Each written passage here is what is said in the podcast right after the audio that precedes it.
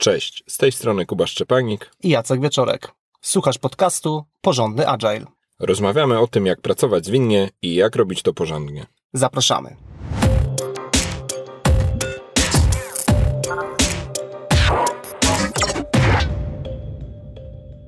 W dzisiejszym odcinku porozmawiamy o deadline'ach w Agile'u, czyli o sytuacji, w której mamy pewne ograniczenie czasowe i tą pracę, którą wykonujemy, musimy na konkretny termin mieć gotową. Teza, która, która gdzieś tak nas zainspirowała do nagrania, to taka myśl, że jeśli się ma sztywne deadline, sztywne terminy, jakąś datę końcową projektu, czy datę wdrożenia konkretnej wersji produktu, to nie masz agile'a, nie masz podejścia zwinnego. Już z samego faktu, że są sztywne deadline'y, które trzeba dotrzymać e, i to naprawdę trzeba dotrzymać, no to podejście zwinne już nie jest możliwe. I nie chcemy tutaj w tym odcinku mówić, że to jest jakiś mit, albo że ktoś nam takie coś zaproponował, to jest bardzo osobiste, ale sam też miałem kiedyś z tym problem. O wiele prościej e, mi samemu myślało się o podejściu zwinnym w takim świecie, w którym nie mam blokady na, na, na terminie, tylko po prostu realizuję jak najlepszą wartość i jak skończymy, to będzie. Czyli takie trochę nie mogę ci podać terminu, bo jesteśmy przecież zwinni. Mamy, mamy estymację, mamy możliwość zmiany w backlogu i po prostu jak skończymy, to będzie. Wielu to denerwuje, zwłaszcza zarządzających organizacją lub e, osoby, które jednak tym światem takim zarządzanym przez terminy funkcjonują w biznesie.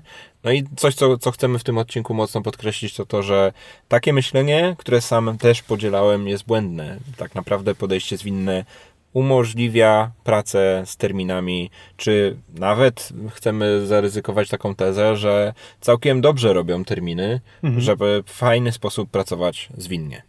Jak myślę sobie o, o pracy na, na, na konkretny termin, to, to przypomina mi się e, klasyczna e, książka Toma DeMarco Zdążysz przed terminem taki powiedziałbym project menedżerski klasyk, który zresztą sam czytałem bardzo, bardzo dawno temu. Natomiast e, dlaczego wspominam o, o Tomie DeMarco? Ponieważ e, natrafiłem na, e, to nie pamiętam, czy to był wywiad, czy jakiś artykuł i tutaj niestety nie będę w stanie Wam precyzyjnie wskazać źródła, natomiast odtworzę to z pamięci. Natrafiłem na, na artykuł, gdzie Tom DeMarco powiedział taką historię, że jakby pomimo tego swojego bagażu e, i doświadczeń, jakby w kontekście pracy takiej na konkretny termin, e, no to on powiedział coś takiego, że gdyby dzisiaj miał rozwijać produkt, to oczekiwałby od zespołu, że będą mieć produkt gotowy na koniec każdej iteracji i nie będzie się dzielił z zespołem informacją, do kiedy to ma być zrobione. Po prostu zespół ma pracować tak, jakby każdy sprint mógł potencjalnie być ostatnim sprintem, czyli ta gotowość produktowa powinna być zawsze. Nie ma opcji, że mamy coś rozgrzebane, coś w połowie, coś niezintegrowane.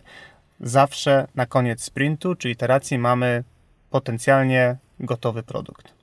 Jeśli wygląda to na manipulację albo wygląda na to na zbyt ostre podejście, to ja sam mam takie doświadczenia, że jeśli myślę o najsłabszym podejściu zwinnym, jakie spotkałem w jakichś e, e, organizacjach czy zespołach, to między innymi składową przyczyn, dla których ten agile był słaby, było właśnie kompletny brak presji. Albo faktyczny brak presji, albo brak zrozumienia, że ta presja jednak jest i koniec końców wreszcie się ujawni, tylko będzie już za późno. Żeby to zamienić na konkrety, naprawdę znam, czy, czy przypominam sobie chociażby zespół, który miał rozwijać zupełnie nowy produkt i miesiącami szykowali się do kolejnej wersji, zdążyli zmienić logo, zdążyli zmienić design strony, ale ta wersja nigdy nie ujrzała światła dziennego i koniec końców ten produkt nigdy nie ujrzał rynku, bo po prostu cierpliwość zarządzających się wyczerpała, no ale ten zespół absolutnie nie czuł presji, nie czuł, że tam trzeba się z czymś spieszyć, że trzeba zrealizować zadanie jak najwcześniej jest to możliwe. Nawet jeśli nikt im nie sformułował nigdy deadline'u, zróbcie to za trzy miesiące, bo pracujemy zwinnie, to mimo wszystko uważam, że może by im bardzo pomogło, gdyby jednak postarali się zrobić coś całkiem dobrego jak najszybciej, a nie kisili się z kolejnymi wersjami przez długi, długi czas. No i jak komuś to się wydaje takie, takie ekstremalne, że no jak, jak można pracować zwinnie w tak dużym ograniczeniu, e, to znów e, przypomina mi się dyskusja na Twitterze, gdzie między innymi wypowiadał się Alistair Coburn, czyli jeden z współtwórców e, manifestu Agile, no i ogólnie osoba jakby będąca cały czas aktywna w społeczności i dzieląca się naprawdę wartościowymi przemyśleniami, no to tam była dyskusja, gdzie paru, parę, parę innych bardzo doświadczonych osób dyskutowała o tym, jakby no, bardzo generalnie rzecz biorąc, czym jest zwinność, w sensie jakby jakie warunki brzegowe powodują, że ta zwinność jeszcze jest, a kiedy już jej nie ma. E, I e, jeżeli dobrze pamiętam, to właśnie sam Alister powiedział o tym, że jeśli, jak, jak on zaczynał pracę w sposób zwinny, no to zdarzało mu się pracować w warunkach, gdzie właściwie e, wszystkie boki trójkąta, czyli zarówno czas, jak i zakres, jak i jakby ilość osób, którymi dysponujemy, były sztywne. No i tak naprawdę nadal można było pracować w sposób zwinny na zasadzie dbania o zwinność na poziomie komunikacji, czyli chociażby, no pięknie tutaj możemy wrócić do pierwszej e, wartości manifestu e, Agile, czyli ludzie oraz interakcje są ważniejsze niż procesy i narzędzia. I tam w ogóle ten wątek bardzo fajnie pokrywał to, że można mieć bardzo różne korzenie zwinności, no i jedna osoba może mieć takie doświadczenia, że zwinność to jest właśnie brak żadnych ograniczeń, no i wtedy łatwo powiedzieć, że jesteśmy zwinni, natomiast to, o czym dzisiaj chcemy porozmawiać, to to, że jest nieco trudniej, ale to nie jest złe podejście, kiedy jednak jakieś ograniczenia e, mamy. I chcę przytoczyć taki przypadek, który bardzo wcześnie w mojej karierze się przydarzył. Mogłem go obserwować, e, może nie osobiście w nim uczestniczyć, ale dosyć blisko obserwować, e, gdzie jeden z zespołów e, w pewnej organizacji miał za zadanie zrealizować zmiany związane ze zmianą prawa podatkowego. Jakiś czas temu zmieniła się stawka VAT. Organizacja zorientowała się o tym trochę późno, tak żartując, czasem tak bywa, że się zaskakujemy, że raz do roku są święta e, Bożego Narodzenia. No i ta organizacja trochę wpadała w tą pułapkę, że zaskakiwały ją różne terminy, które można było przewidzieć. No wtedy prawo akurat zmieniało się trochę rzadziej. Teraz akurat e, to jest dosyć e, popularny temat, że zmieniają się jakieś przepisy prawa i w zasadzie wszystko trzeba przebudować. Mało tego, wdrożenie przepisów prawa nie będzie czekać. Jest konkretna wskazana data mm.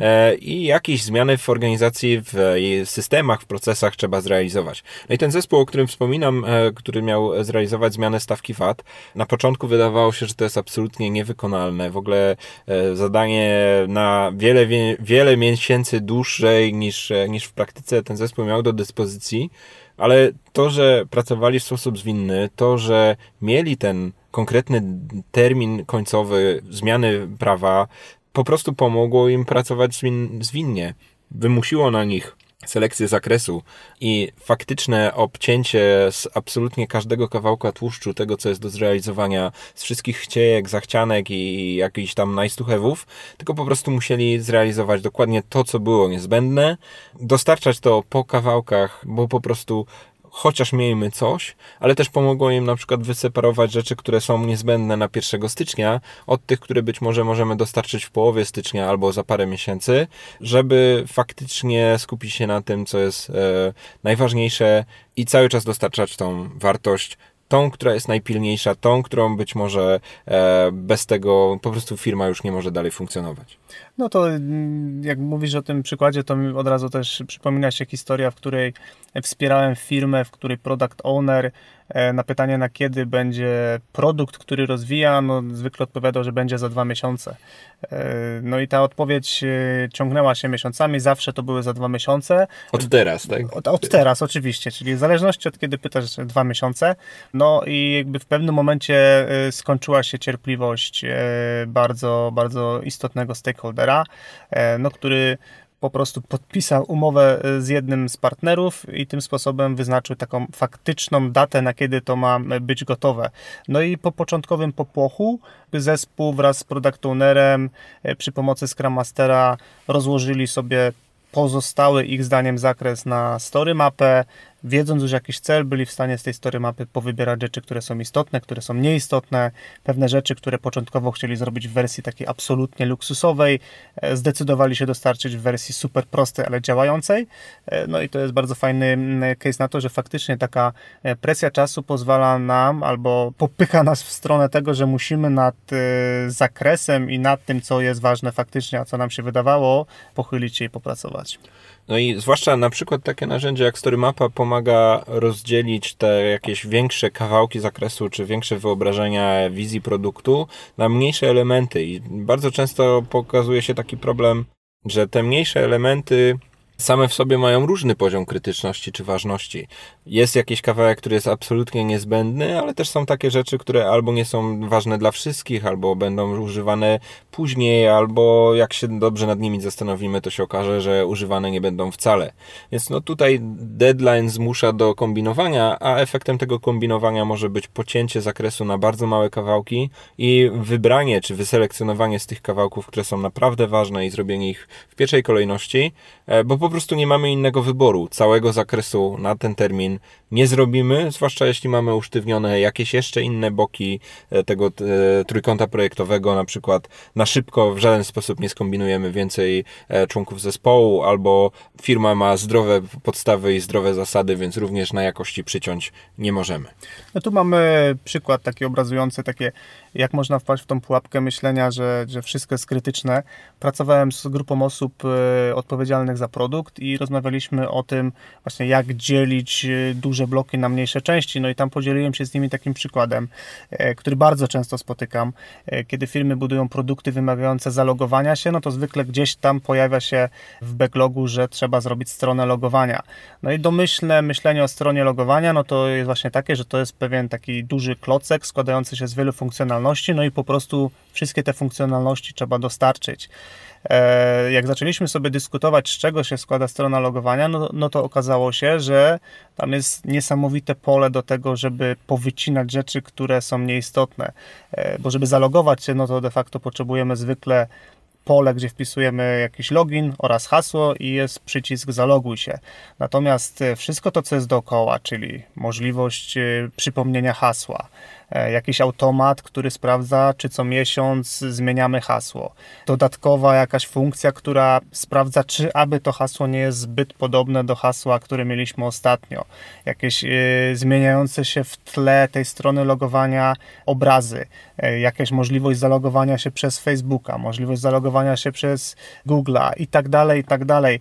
Domyślnie to wszystko jest traktowane jako strona logowania, natomiast jak się tak poważnie zastanowimy, no to przestrzeń na to, co jest do zrobienia później albo wcale, jest niesamowita. I to tylko wszystko zależy od tego, jak bardzo jesteśmy otwarci i jak bardzo też, myślę, nabierzemy sobie wprawy w tym, żeby umieć oddzielać rzeczy krytyczne czy ważne od rzeczy, które są nice to have, mówiąc po staropolsku i po prostu nie trzeba się nad nimi pochylać. Ani teraz, ani być może w ogóle nigdy. I to jest też, e, idąc tym tropem rady Toma DeMarco, takie pytanie, które warto sobie zadawać e, na każdym kroku co by było, co byśmy zrobili, gdybyśmy z góry wiedzieli, że mamy tylko jeden sprint na to, żeby zrealizować ten projekt, a potem już będzie deadline.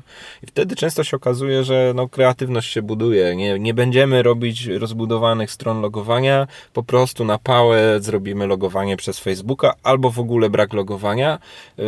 I tyle. I po prostu w idealnym świecie byśmy tutaj mieli y, rozbudowane narzędzia, jakieś piękne zabezpieczenia, ale nie mamy tego idealnego świata, bo mamy deadline i musimy po prostu zrealizować e, wszystko to, co jest absolutnie niezbędne i ostro, ostro priorytetyzować na pograniczu tego, że po prostu realizujemy pracę absolutnie, wręcz bym powiedział, prymitywnymi rozwiązaniami biznesowymi, co jeśli na szali jest, nie wiem, funkcjonowanie dalsze firmy, bo prawo będzie od nas tego wymagało, żebyśmy jakieś elementy zmienili albo dodali, to, to musimy zrobić, nie ma wyboru. Mhm. A niestety w wielu projektach, w których jest komfort tego wyboru, że najwyżej zrobimy to pół roku później, wtedy wpadamy w taką, taką, taki szał dokładania feature'ów, e, odmawiania sobie tej ostrej selekcji i też przewidywania czy planowania, że absolutnie nic się nie wydarzy złego, mamy te pół roku i ze spokojem sobie będziemy mogli dziubać tą naszą, naszą, naszą kolejną wersję w tym najbardziej rozbuchanym zakresie, jaki nam przyszedł do głowy gdzieś tam na jakichś wczesnych etapach projektu. Jeśli kogoś przeraża myśl, że w podejściu zwinnym mamy jakiś deadline, no to warto przypomnieć sobie, że e, de facto każda iteracja, czy każdy sprint, który realizujemy, de facto ma jakiś określony deadline, czy to jest iteracja jedno, czy dwutygodniowa, no to w szczególności w Scrumie no, spodziewamy się, że na koniec sprintu dostaniemy przyrost produktu. To jest e, istotne, a jednocześnie wielokrotnie pomijane przez zespoły, które traktują Scrama po prostu jako takie pudełka, w których coś tam realizujemy, ale wcale nie odczuwają e, ani presji, ani nie czują sensu tego, żeby jednak na koniec pojawiło się coś namacalnego, żeby można było to poddać inspekcji, żeby można było dostać informację zwrotną. Więc de facto pracując w szczególności z Scrumem, czy po prostu pracując w iteracjach, ten deadline jest z nami. E, no jeśli oczywiście oczekujemy od siebie nawzajem, no żeby na koniec takiej iteracji dostarczyć coś namacalnego, co jest uważam krytyczne z, z wielu e, powodów, które jeszcze właściwie za chwilę pokryjemy. I na pewno warto sobie zrobić w zespole rachunek sumienia.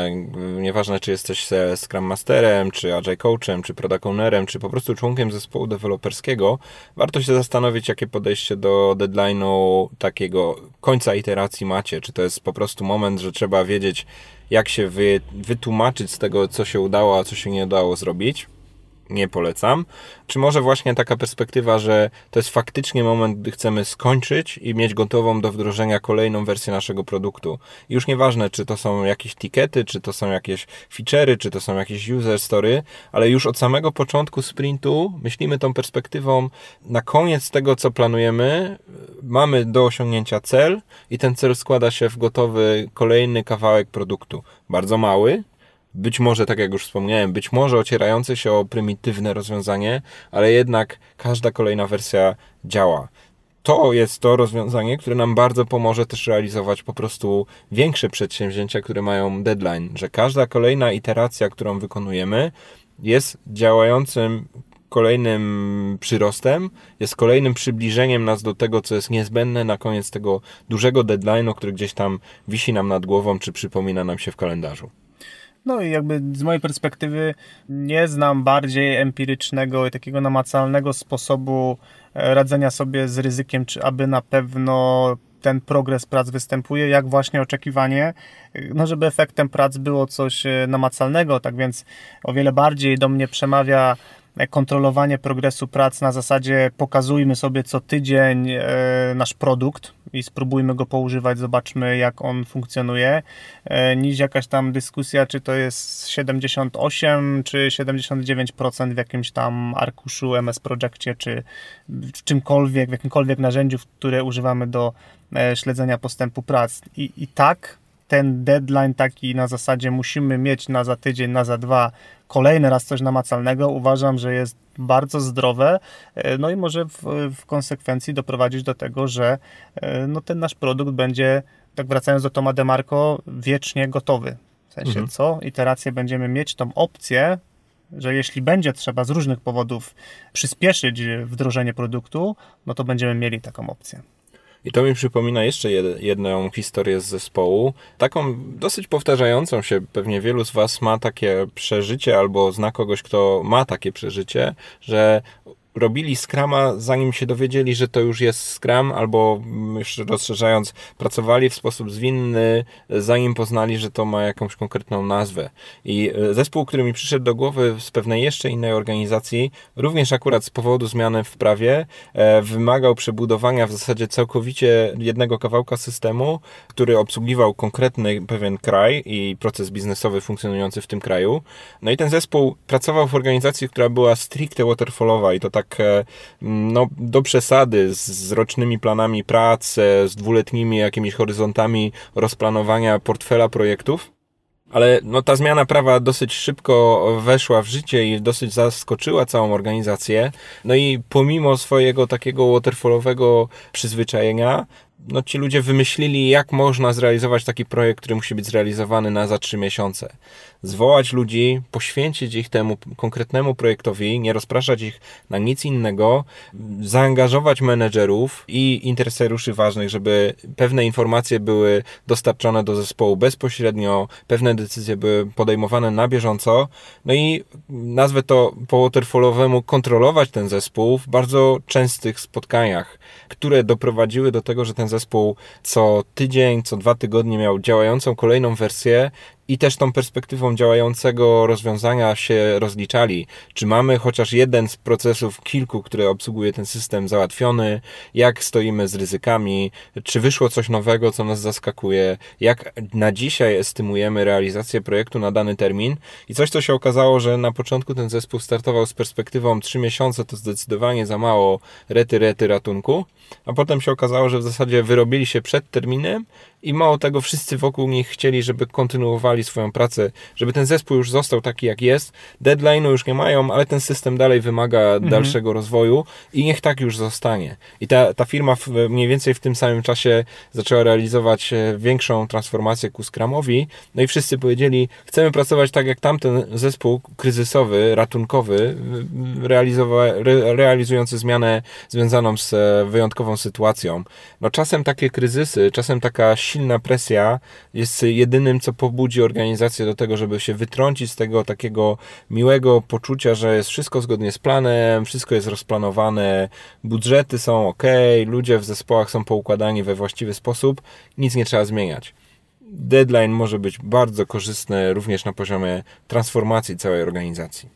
I tak domykając y, powoli y, tą, tą ciekawą dyskusję, chcielibyśmy pokazać, że ten krótki deadline, e, no raz, że jest wartościowy, to już trochę powiedzieliśmy, ale też trochę jakby rozważyć to, co podpowiada nam w przypadku krótkiego deadline'u intuicja, a co faktycznie w praktyce e, przynosi wartość. No i pierwszy taki przykład jest, jest następujący, że e, często zespoły tak intuicyjnie, kiedy jest krótki deadline, no to mówią, to róbmy, wydłużmy iterację, to, to często nawet w ogóle porzućmy, porzućmy sprinty, zróbmy jeden długi sprint od teraz aż do za 2-3 miesiące, kiedy będziemy e, musieli przedstawić swój mm, e, produkt, e, w sensie już jako gotowy.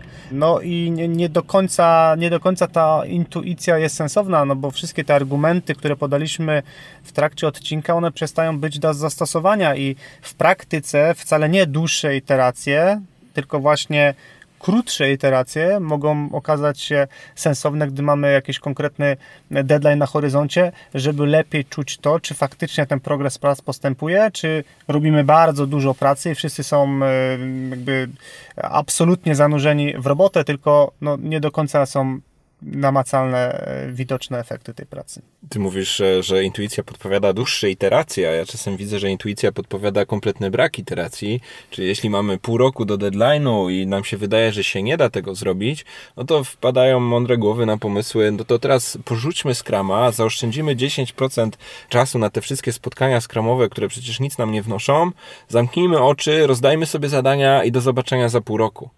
E, Skupmy się na pracy. Tak, nie, może niech jedna osoba gdzieś tam kontroluje wszystko tak, jak jest dobrze realizowane, ale tak cała reszta to niech po prostu naparza w stronę końcowego terminu zgodnie z wybranym zakresem.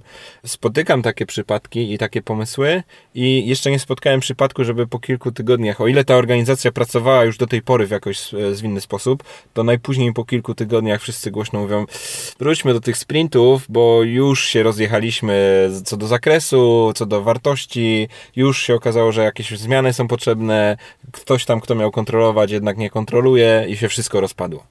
Tak, no, innym takim e, intuicyjnym pomysłem w obliczu krótkiego terminu dostarczenia czegoś namacalnego jest pomysł, że no to, to skupmy się na produkcie, a integrację sobie zrobimy na końcu. W szczególności to, to może być pomysł, kiedy pracuje więcej zespołów, no i tak właśnie zaoszczędźmy ten czas, kiedy tam się synchronizujemy, no przecież wiadomo, co jest do zrobienia, no wy robicie to, my robimy tamto, e, tam Trzymajmy robią... się tych reguł, żeby każdy niech zrobi to, co jest w jego Dokładnie. zakresie. Dobrze to spisaliśmy, wszyscy wiedzą, co mają robić, skończmy gadać. No i, i, niestety, w sensie ta integracja na koniec może się okazać e, wielkim wybuchem i też no, w wielu organizacjach wiele takich inicjatyw widziałem, gdzie komunikat do zarządu idzie pod tytułem właściwie zakres mamy gotowy, wystarczy się tylko zintegrować, no i potem y, tłumaczenie się i ciężkie rozmowy i jakieś tam dywaniki na zasadzie y, mówiliście, że potrzebujecie chwilkę, żeby się zintegrować, czemu to trwa już trzeci tydzień. No i znów ta intuicja trochę, trochę tutaj błędnie podpowiada, bo w obliczu krótkiego deadline'u, no to te integracje powinny być częste. Dlaczego? No bo one są dla nas takim bardzo binarnym wskaźnikiem, czy ten produkt jesteśmy w stanie zintegrować i czy on ma szansę w ogóle być używalny. Czy działa. Czy działa, czy raz nie jesteśmy w stanie, bo się nie dogadaliśmy, dwa, czy w ogóle mamy środowisko, narzędzia i umiejętności, które pozwalają taką integrację wykonać, co też nie jest wcale tak oczywiste. No już e, ironizowaliśmy, ale też podkreślmy to jeszcze raz, że intuicja też w obliczu krótkiego deadline'u podpowiada trzymajmy się planu, realizujmy go, jest on już zaklepany. Jeśli tylko będziemy chcieli odejścia od planu jakiekolwiek zrealizować, to na pewno nie zrealizujemy deadline'u to akurat intuicja, która może czasami e, być całkiem słuszna, że ślepe trzymanie się planu może pozwolić zrealizować zgodnie z planem pracę mhm. na dany termin, no, tylko rozjedziemy się z, jeśli tylko ktoś nas zapyta, czy zrealizowaliśmy to, co było faktycznie potrzebne, a nie tylko to, co było zaplanowane na samym początku. No bo tutaj praktyka podpowiada, e, zwłaszcza w obliczu krótkiego terminu, e, najlepsze, co możemy zrobić, to mieć rękę na pulsie, czy zmieniają się wymagania, czy odkrywamy szansę, żeby coś przyciąć, coś ściąć, jednak z czegoś zrezygnować, ale też, żeby najwcześniej jak to możliwe zareagować, jeśli odkryjemy, że nie dość, że mamy krótki deadline, to jeszcze niestety, ale zmieniają nam się wymagania. Podsumowując, skupiliśmy się dzisiaj na rozmowie o tym, jak to jest y, z tą pracą na termin, jak to jest z deadline'em w Agile'u.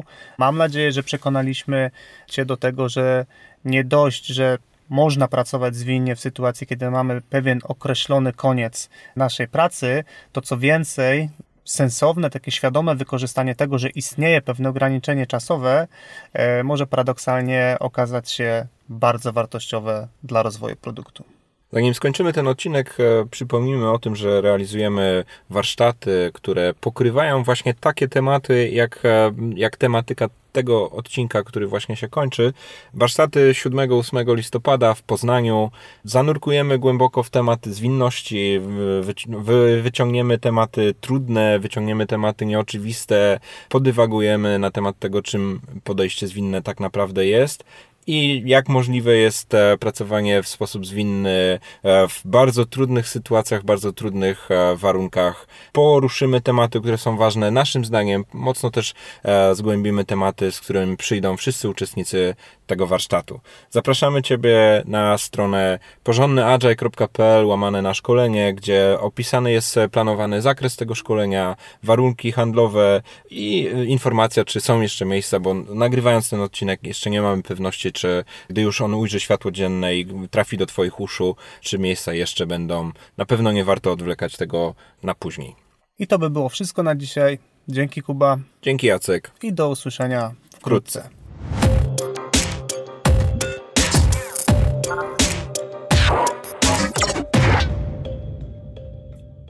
Dziękujemy, że jesteś z nami słuchając tego odcinka do końca. Nagrywanie podcastu to dla nas coś zupełnie nowego, dlatego zależy nam, żeby usłyszeć, co o nim myślisz. Zostaw swój komentarz na iTunes lub napisz do nas na adres kontakt małpa porządnyagile.pl. Jeśli podcast daje Ci wartość, podziel się nim ze swoimi znajomymi. Chcemy docierać do wszystkich, których interesuje porządny agile. Dziękujemy. Dziękujemy.